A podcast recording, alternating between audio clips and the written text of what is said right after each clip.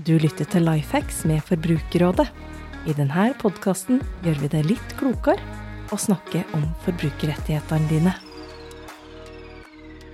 Velkommen til en uh, ny episode med Lifehacks fra Forbrukerrådet. I dag blir det personlig økonomi på agendaen uh, vår. Det er uh, hyggelig å ha deg i studio, Jørg Jensen. Takk for at jeg kom. Fagdirektør her på huset, og en mann mange sikkert har sett ansiktet på. Snakke om økonomi, renter, banker, forsikring, andre ting som har med privatøkonomi å gjøre. Vært talsperson på økonomi hos oss i, i flere år, og den som kan fagfeltet best her hos Forbrukerrådet. Min faste makker her i studio, Berit, har gyldig fravær fra start, men har lovet å komme innom med et skråblikk fra veiledningstjenesten vår om ca. et kvarter. Jeg heter Bengt Eigil Ruud.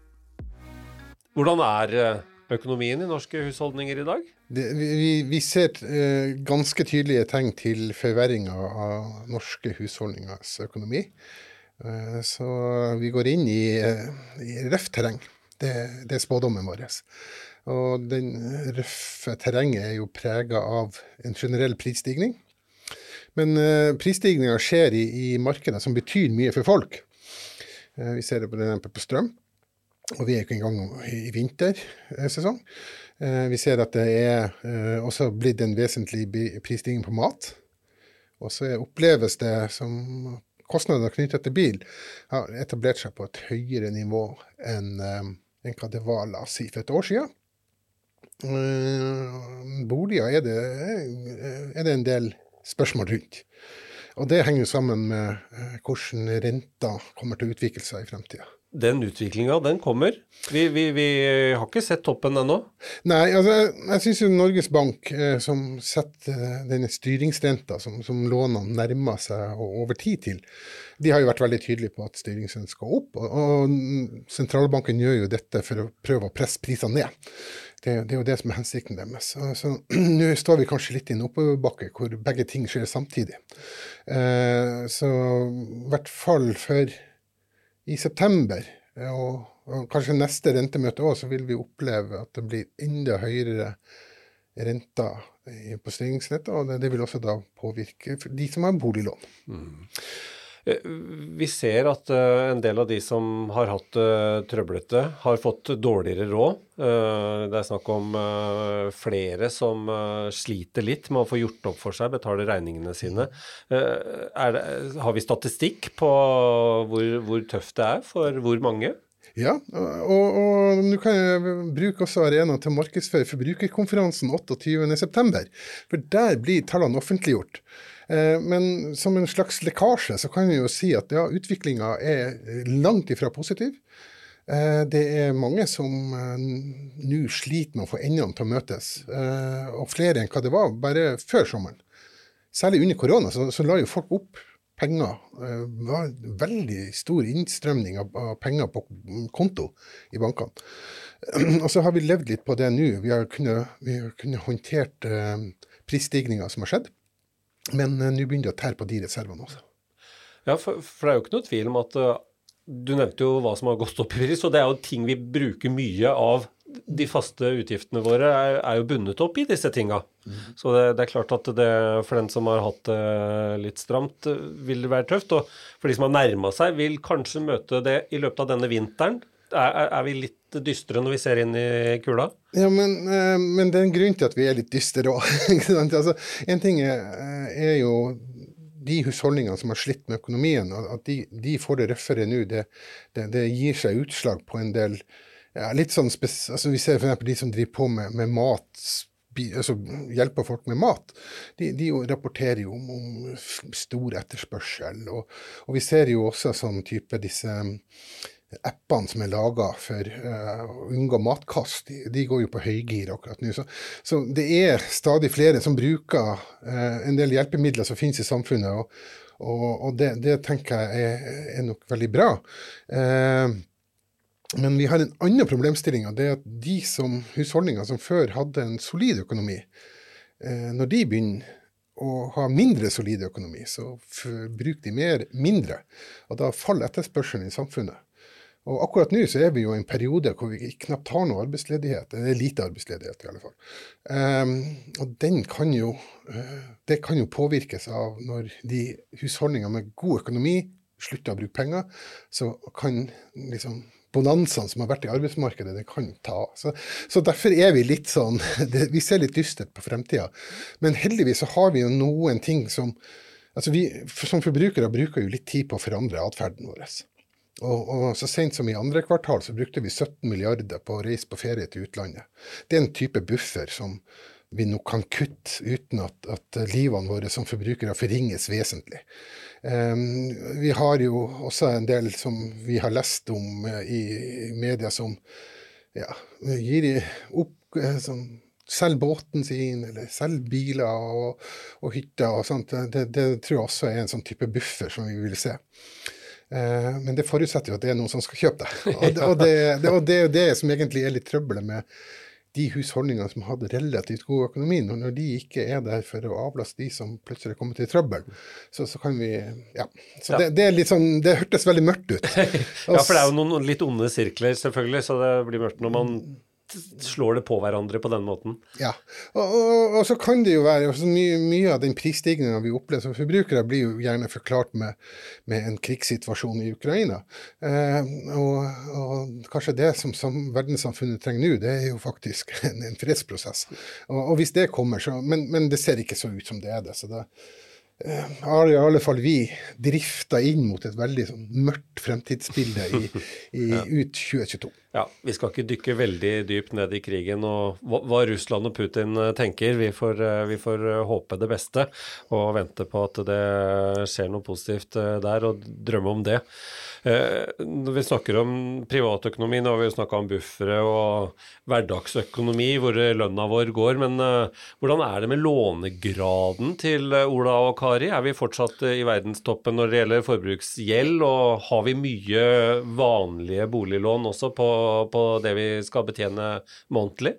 Ja, det skal litt til igjen at andre land i verden tar oss. Vi har så veldig høy gjeldsbelastning. Ja. Ja. Og det har for så vidt gått greit i Norge, fordi vi har hatt en brukbar reallønnsutvikling. Um, Nå er jo prisstigninga såpass stor at, at, eh, det er klart at frykten for at forbruksgjeld skal velte husholdningsøkonomier, den er, den er høyst reell nå.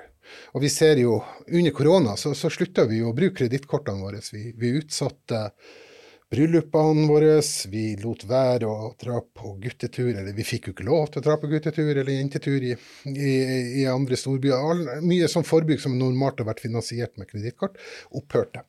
Så det har jo, altså under nedstenginga så gikk jo forbruksgjelda i husholdninga ned, men nå tar det seg opp. Og jeg må jo si at vi er i hvert fall ikke overraska over det. Eh, og det er i hvert fall ikke overraskende at det tar seg opp rundt sommeren, for da bruker vi kortet i utlandet. Så får vi se hvordan det utvikler seg utover høsten. Eh, eh, jeg tror jo at type forbruksgjeld er, er, noe som er her for å bli. Eh, mye av vårt moderne forbruk er jo å kjøpe på kreditt. Er du på internett, så er jo mesteparten av betalingsløsningene der fortsatt. Eh, kredittdrevet. Mm. Så det som er om å gjøre for oss, det er jo ikke å fjerne alle forbruksgjelder, men det er at forbruksgjelder ligger hos forbrukere som greier å bekjenne dem. Mm. Og, og, vi oppfordrer jo til bruk av kredittkort uh, også fra Forbrukerrådet, fordi at det finnes noen garantier der hvis man ikke får varen eller det er noe gærent og sånt. Men uh, ja. det, vi må ha et uh, edruelig forhold til hvordan det brukes. Ja, og, og, og, det er egentlig ikke så nøye om du bruker kredittkort eller det vanlige bankkortet ditt. Altså Også Visa, som er normalt å ha på et vanlig bankkort, eh, vil gi deg den garantien. Så eh, det er klart det er en fordel å betale med kort på nett. Vi må innom dette med renter, fordi at uh, det er jo snakk om styringsrenta hele tiden. Men uh, den er det jo ikke så mange av oss eh, vanlige husholdninger som forholder oss til. Eh, hvor stort er spriket i både boligrente, men kanskje særlig på kredittkortgjeld? Ja, altså, styringsrente har veldig lite å si for kredittkortgjelda. Altså Den ligger gjerne rundt 20 pluss, uansett hva, hva rentenivå eller hva styringsrenta er. Eh, når det gjelder eh, boliglån, så, så, har den en betydning. Fordi det, vi, vi, som forbrukere kan jo ikke bruke den kontoen som Norges Bank har. Det er jo, det, det er jo den bankene bruker for å sette inn penger. Uh, og når det, det, er et høyt rentenivå, så, så, er de mer motivert til å sette penger inn i, i sentralbanken. Uh, men det har også noe å si for hva prisnivået blir for boliglån. Så uh, over tid så har vi jo sett at styringsrenta er styrende for hva boliglånsrenta blir. Men det er jo fortsatt sånn at det er konkurransen i markedet som betyr noe for deg som forbruker.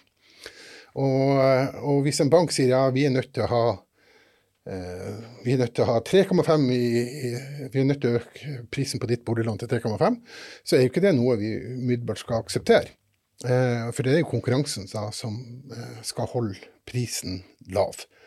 Og da ligger det jo litt til forbrukere. I Norge så har vi et system med at rentene settes individuelt stort sett i alle bankene. Stort sett. Ikke alle, men stort sett. Og Da er det at forbrukere er nødt til å gå inn, ta kontakt med banken og, og, reforhandle på vilkårene. Så, så, det har vi anledning til, hver eneste ja, en av oss? Hver eneste en av oss. Det er ingen, ingenting eh, som tilsier at banken alene som, som bestemmer dette. Eh, men banker vil jo eh, argumentere for å ta eh, høy pris på boliglånene. Eh, det, det, det, er jo det, det, er jo det banker lever av. Det er jo rentemargin, som vi sier. Altså, eh, av, avstand mellom det de betaler for penger, og det de kan ta betalt når de låner ut. Men hvordan vet jeg hvor, hvor mitt lån ligger i terrenget da? Ja, Da vil jeg anbefale deg å ta et besøk i finansportalen.no. Der har alle bankene i Norge rapportert inn prisen på alle sine boliglån. Og når man skal ta denne kontakten med banken, så er det en veldig fin plass å, å være innom før du, før du, kontakter banken.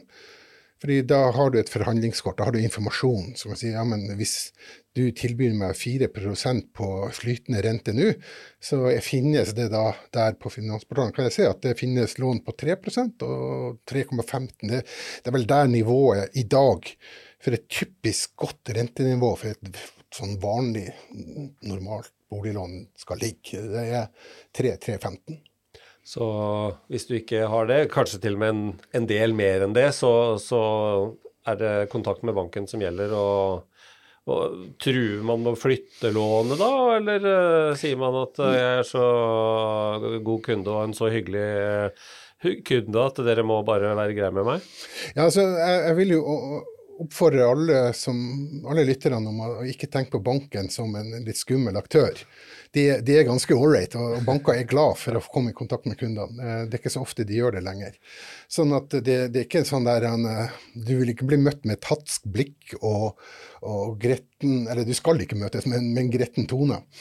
Um, og så er det noe med at det, de kundene som ikke gjør noe, det er faktisk de som uh, får det dårligste tilbudet. Hvordan gjelder dette med å snakke med banken om rente på innskudd, da? Ja. Er, det, er, det, er, det, det samme som gjelder deg, hvis du syns at uh, nå For det er jo en del som ikke er avhengig av uh, at det går, akkurat går rundt hver måned og sånn. Noen har en buffer på 100 000, noen har 300 000 i bakhånd uh, etter og har spart og vært flinke, kan de si at eh, jeg må ha litt mer rente enn de andre? Ja da, ja, det er fullt ut mulig å gjøre det. Og der vil jeg jo også altså jeg vil jo tro meg, det, det, eller, det er jo egentlig lettere å, å tro med å bytte et eh, innskudd fordi det er så enkelt å, å bytte et innskudd. Bytter man boliglån, så, så, er det litt mer prosedyre rundt. Men selve innskuddet det, det, er relativt lett å flytte. Det er kanskje noe av det letteste å flytte. Akkurat som forsikring er veldig lett å flytte, men, men bankinnskudd er lett å flytte. Um, og hvis man f.eks. ikke altså, typisk godt, En typisk god innskuddsrente på de 100 000 ville jo vært over 3% Da, er du liksom, da har du et av de markedets beste tilbud. Vi vet jo at, at banker ofte sier at de har, dette er det beste tilbudet i markedet, men det er ikke alltid det er sant.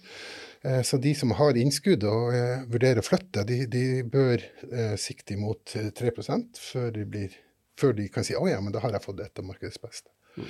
Og så er det noen unge For de har jo tilgang på BSU. Ja, og det er vi nødt til å komme innom. fordi de unge har jo en mulighet der som uh, vi voksne ikke har, og som du helt sikkert vil anbefale dem å benytte seg av. Ja, altså Hvis man f.eks. betaler skatt fordi man jobber, så er BSU helt suverent. Uh, det, det, er egentlig ingen former for sparing som er bedre enn det. Uh, og banker er jo ivrige etter å få unge kunder inn i kundelistene sine. Eh, så hvis du er ung og har et eh, innskudd som du vurderer å putte inn i en BSU, så, så bør du sikte imot banker som tilbyr 4% på BSU-en i dag. Så den er så god, ja? Ja, den er så god. Det, det er såpass skarp konkurranse om de unge. Og det vil for så vidt også gjelde, uh, gjelde på boliglån, at banker er priser kommer med vennligere priser til de unge kundene enn, enn de eldste. Når renta går såpass opp, eh, endrer det seg noe hva vi anbefaler sparing eh, fond mot bank? Ja, er, det er nesten ingen som greier å, å spå. Eh, spa, altså, fondsmarkedet det er vanskelig å spå. Eh, så det vi anbefaler folk å gjøre, det er å plassere penger i såkalte indeksfond. Og Da betyr det bare at du plasserer ikke pengene det, det, er ingen der som prøver å finne vinneraksjer eller knipse bort taperaksjer, men du legger det på det som er markedsutviklinga.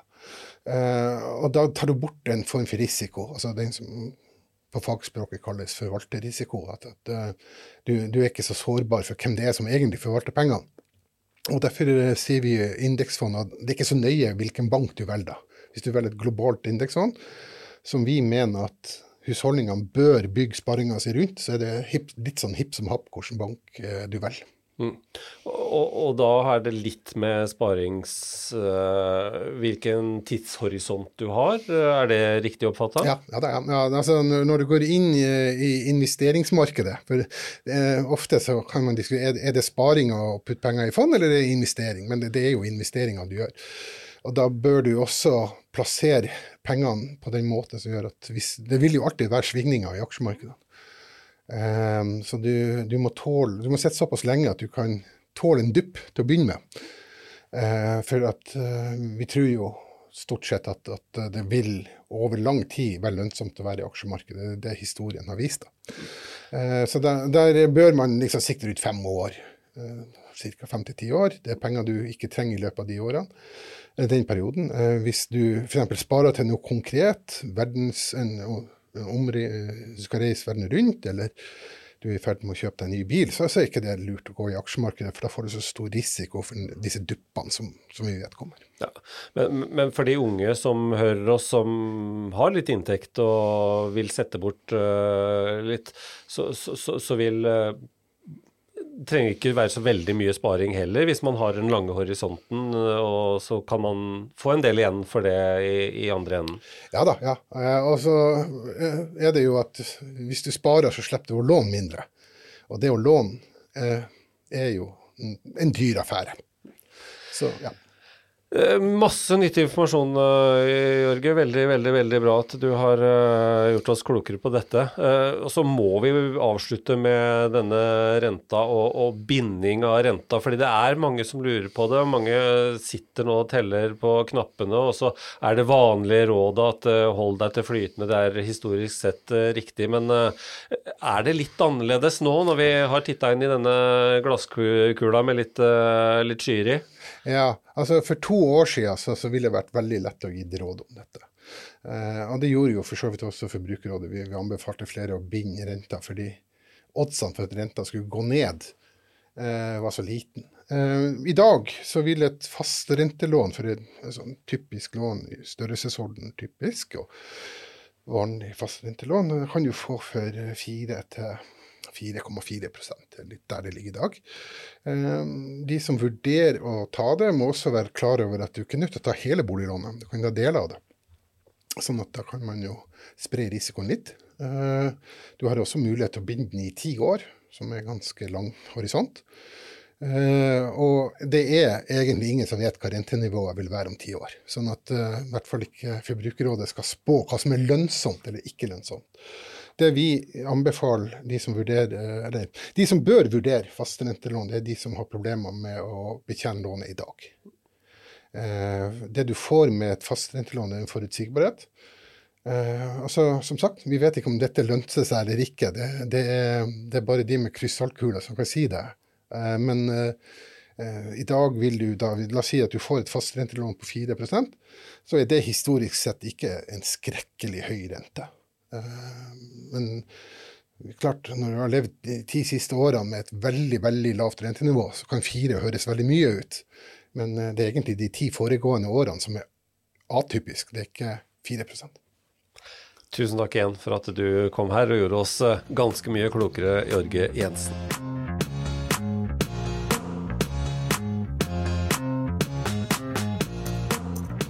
hei, Berit. Der er du også, jo. Er det mange som eh, tar kontakt med oss om eh, privat økonomi for tida? Ja, det er en økende trend, i hvert fall. Det er mange som er bekymret for økonomien og som har da spørsmål hvordan kan man ja, gjøre gode valg, og gjerne da på lån, renter, men også strømregning. Det er jo ja, det er de høye prisene og vanskeligheter med å få det til å gå rundt som er, er gjenganger når det kommer til privatøkonomien i dag. Så der er det også muligheter for de som ønsker seg litt én-til-én, men uh, nå har jo Jørgi gitt en del uh, gode svar i denne episoden som uh, forhåpentligvis ganske mange av oss kan ha glede av, så det er jo bra. Skal vi unne oss et skråblikk på tampen i dag også? Hva slags kuriosa kan du by oss i dag? I dag har vi en litt på siden av dagens tema, men en artig en allikevel, tenker jeg. Eh, hvor mye reker skal det være i en rekekabaret?